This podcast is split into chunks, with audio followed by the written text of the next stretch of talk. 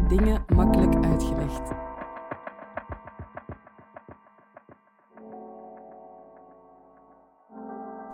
Dit is de podcast van Moeilijke Dingen Makkelijk Uitgelegd. Wie de wereld wil verbeteren, moet wel begrijpen hoe die werkt. Daarom laten we in Moeilijke Dingen Makkelijk Uitgelegd een expert 10 minuten aan het woord om een complex onderwerp uit te leggen. Deze keer legt Vanja Verschoren uit wat de impact is van de energietransitie op kwetsbare mensen. Goedenavond. Ik ben Arne, 36 jaar en woonachtig te Kortrijk. Ik ben vader van drie prachtige kinderen, maar helaas enkele jaren geleden gescheiden. Ik woon in een oude sociale woonwijk naast de autosnelweg. Uh, als je Kortrijk een beetje kent, er is veel autosnelweg, dus je kunt niet echt missen. Ik kan er een huisje huren. Het is wel op de privémarkt, het kost wel wat geld, 750 euro betaal ik als alleenstaande. Het is een oud huis, maar ik sta wel op de wachtlijst voor een sociale huurwoning, maar ik moet zeker nog twee jaar wachten, dus veel keus had ik niet. Qua energiekost zit ik ook aan dit bedrag, 750 euro. De woning wordt verwarmd, enkel beneden. Eén kamer wordt verwarmd met een gaskachel, een oude gaskachel. Er is wel dubbel glas van de oude generatie, dus het tocht wel wat binnen, maar het dak is helemaal niet goed geïsoleerd. Hoe ziet mijn leven er verder uit? Ik heb een vaste job en verdien zo'n 1800 euro per maand, maar veel schiet er niet meer over als ik alle kosten heb betaald, zoals je wellicht kunt berekenen. Ik werk als arbeider, arbeider in een weefgetouwenfabriek in Ieper. Wie Ieper kent, weet wellicht waarover het gaat. En ik werk in een drieploegenstelsel. Dat wil zeggen, ik heb geen vaste uren, maar de week werk ik vroeg, op de dag of laat. Ja, ik moet dus wel met een wagen gaan, want het openbaar vervoer is niet zo flexibel. Ik heb dus een tweedehands benzinewagentje. En eigenlijk met de gestegen energieprijzen kom ik met moeite rond. Ik ben blij dat mijn ouders mij af en toe een duwtje in de rug geven. Vooral richting mijn kinderen. Hè? Want een, een tof cadeau geven is toch wel leuk, maar zonder mijn ouders kan ik dat echt niet doen. Trouwens, ook op reis gaan. Ik heb echt geen geld om op reis te gaan. Dus als het over vliegen gaat of wat dan ook, ja, mij moet je niet kijken, want uh, ik vlieg niet. Maar mijn ouders nemen ons soms mee. Wat ben ik daar blij om en zeer dankbaar. Trouwens, spaarcenten die heb ik niet meer. Ik had er wel wat, maar door de coronapandemie was ik drie maanden, zat ik drie maanden thuis. De fabriek was gesloten. Gelukkig hebben we een goed vangnet als overheid, door de overheid. Maar de uitkering die wij kregen was wel wat lager dan mijn loon. Dus ik heb mijn spaarcenten geïnvesteerd in het overleven, het einde van de maand halen. Trouwens, ik wil je nog iets vertellen. Best een grappig verhaal over mijn woning. Ik, ik, kreeg te horen vorige week dat de stad erover nadenkt om onze wijk alle huizen te onteigenen. Waarom? Het is een oude woonwijk, eh, een beetje voor sommige mensen misschien vies. En ze zeggen, ja, we moeten dat, al die huizen weg en we gaan er een nieuw project zetten, waardoor dat veel ecologischer is en dat de mensen ook veel minder zullen uitstoten. Maar om dat, uh, ja, dat project te doen slagen, hebben ze eerst ook eens een, een test gedaan. Wat, hoeveel verbruiken wij eigenlijk van energie? En best grappig, wij bleken als, als wijk eigenlijk het best goed te doen. Wij, wij, wij verbruiken heel weinig. Uh, we deden het zelfs beter dan de wijk naast ons. Een wijk gebouwd in de jaren 60, alleenstaande huizen met een garage, een mooi boompje, tuintje. Je kent dat wel. Blijkbaar stoten die huizen veel meer uit dan onze rijhuisjes in de wijk. Maar ja, daar is er natuurlijk geen sprake van onteigening. Die wijken, daar zullen ze niet aankomen. Maar onze wijk, dat kon toch wel een mooi prestigeproject worden. Zwat, ja, als je mij vraagt, uh, hoe ga jij om met klimaat en, en, en, en milieu en, en, en energiezuinig zijn? Ja, ik woon in een huurhuis. Ik heb heel weinig keuze. Mijn, mijn huisbaas wil niet investeren. Hij zal wat moeten van de overheid, dus hij heeft ook al gezegd, ik zal dat zeker doorrekenen in de huur, dus die zal zeker opnieuw omhoog gaan. Hij is ook al dat gedoe wel beu, al die regelgeving van de overheid. En hij zegt, ik ga dat huis gewoon verkopen. Ja, zelf heb ik gewoon weinig mogelijkheden. Wat kan ik doen? Een elektrische wagen kopen, ja, dat kan ik niet betalen. Zonnepanelen, ja, het is niet mijn huis, dus ik kan niet investeren in zonnepanelen. Het is trouwens niet eens geïsoleerd. Ja, dan komen mijn kinderen thuis. Op school was het Dikke Truiendag, ook weer zo'n campagne die nog steeds bij ons uh, plaatsvindt. Dikke Truiendag, ja. Bij ons is het iedere dag Dikke Truiendag in de winter. Dus ja, is dat niet een beetje lachen met de mensen, zo'n campagne? Ik kan enkel proberen zuinig te leven. Ja, ik kan ook enkel zuinig leven, anders kan ik het niet betalen.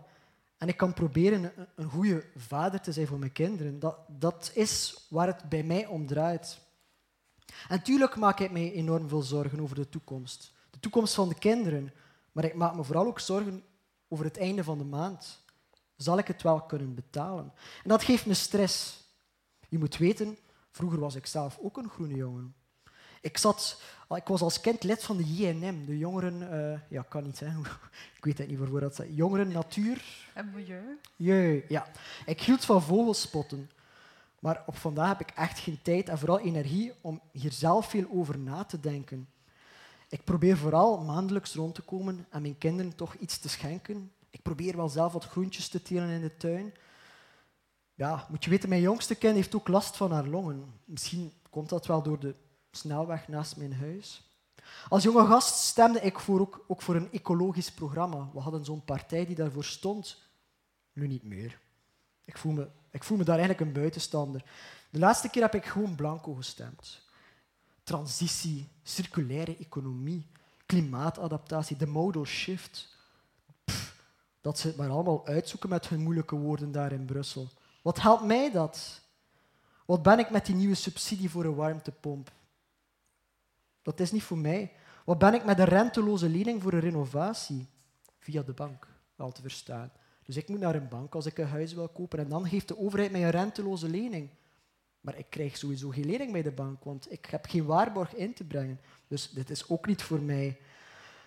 Ja, die benzineautootjes moeten weg, zeggen ze. Ik, was op zo'n avond, die, die auto's moeten weg. Maar wat moet ik doen? Ik heb geen keuze. Ben je al ooit eens in Ieper geweest met de trein? Na 23 uur raak je daar niet meer weg. Hè? Mijn job, de late shift, is na 23 uur. Ik heb gewoon geen keuze. Ja, ik maak mij ook zorgen. Weet je, ik ben ook deel van een, een organisatie waar armen het woord nemen. En ik vind het wel fijn om, om, om, samen met hen te werken. En wij hebben samen een actie opgezet voor de vluchtelingen in Oekraïne.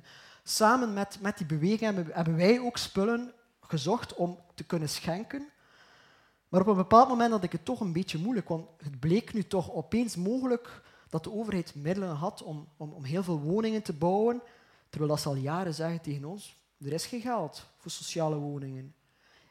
Ja, ik heb het daar moeilijk mee.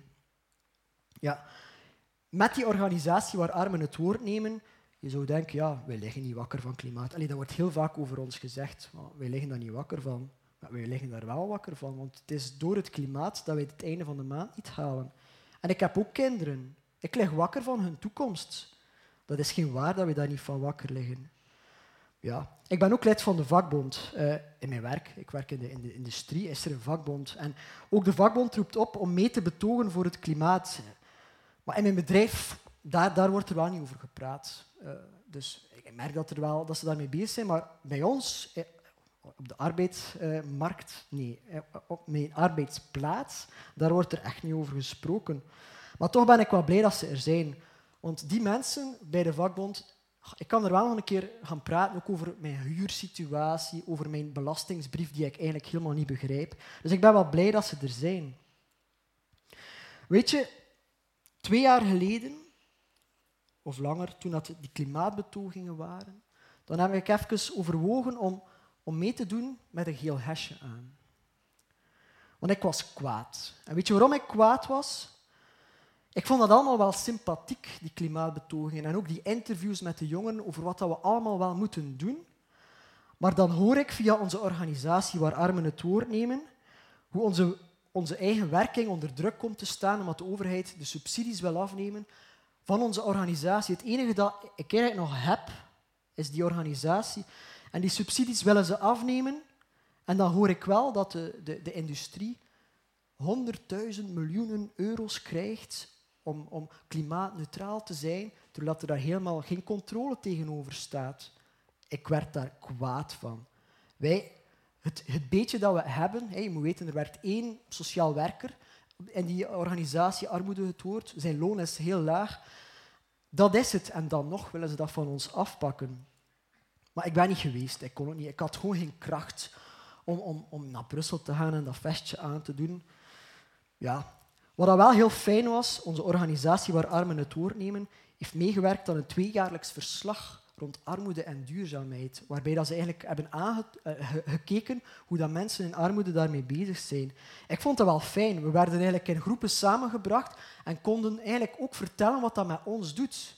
Eindelijk iemand die met ons spreekt in plaats van over ons. Ik heb daar ook superveel uit geleerd. Blijkbaar 1 op de 10 van de Vlamingen leeft in een huishouden met een inkomen onder de armoedegrens. Dus alleen ben ik wel niet.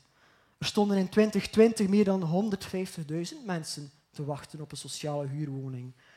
Ik vond dat ook wel goed om te horen dat ik daar dus niet alleen in ben. Um, en een vijfde van de gezinnen leeft in energiearmoede in 2019.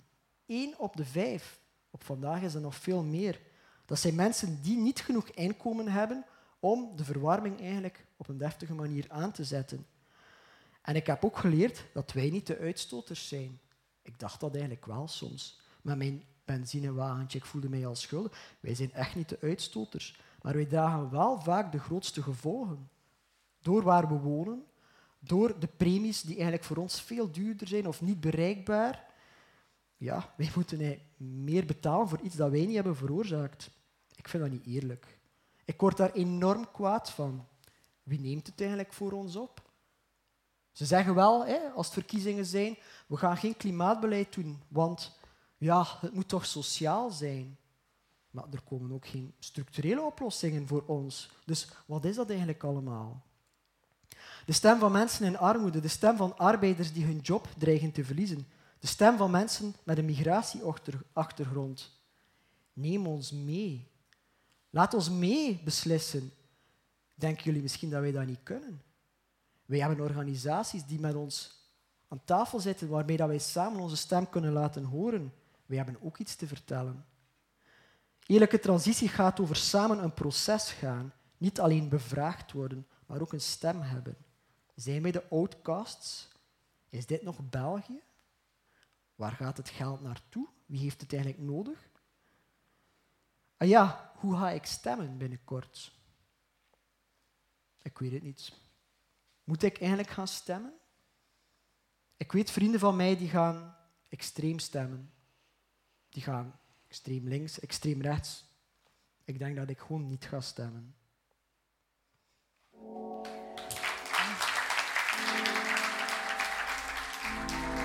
Je luisterde naar Moeilijke Dingen Makkelijk Uitgelegd. Mijn naam is Selma Fransen en dit evenement organiseerde ik samen met Curieus, De Buren en Mo. Montage Jelena Schmitz. Wil je graag reageren of een evenement bijwonen? Kijk dan op de Facebookpagina van Moeilijke Dingen Makkelijk Uitgelegd.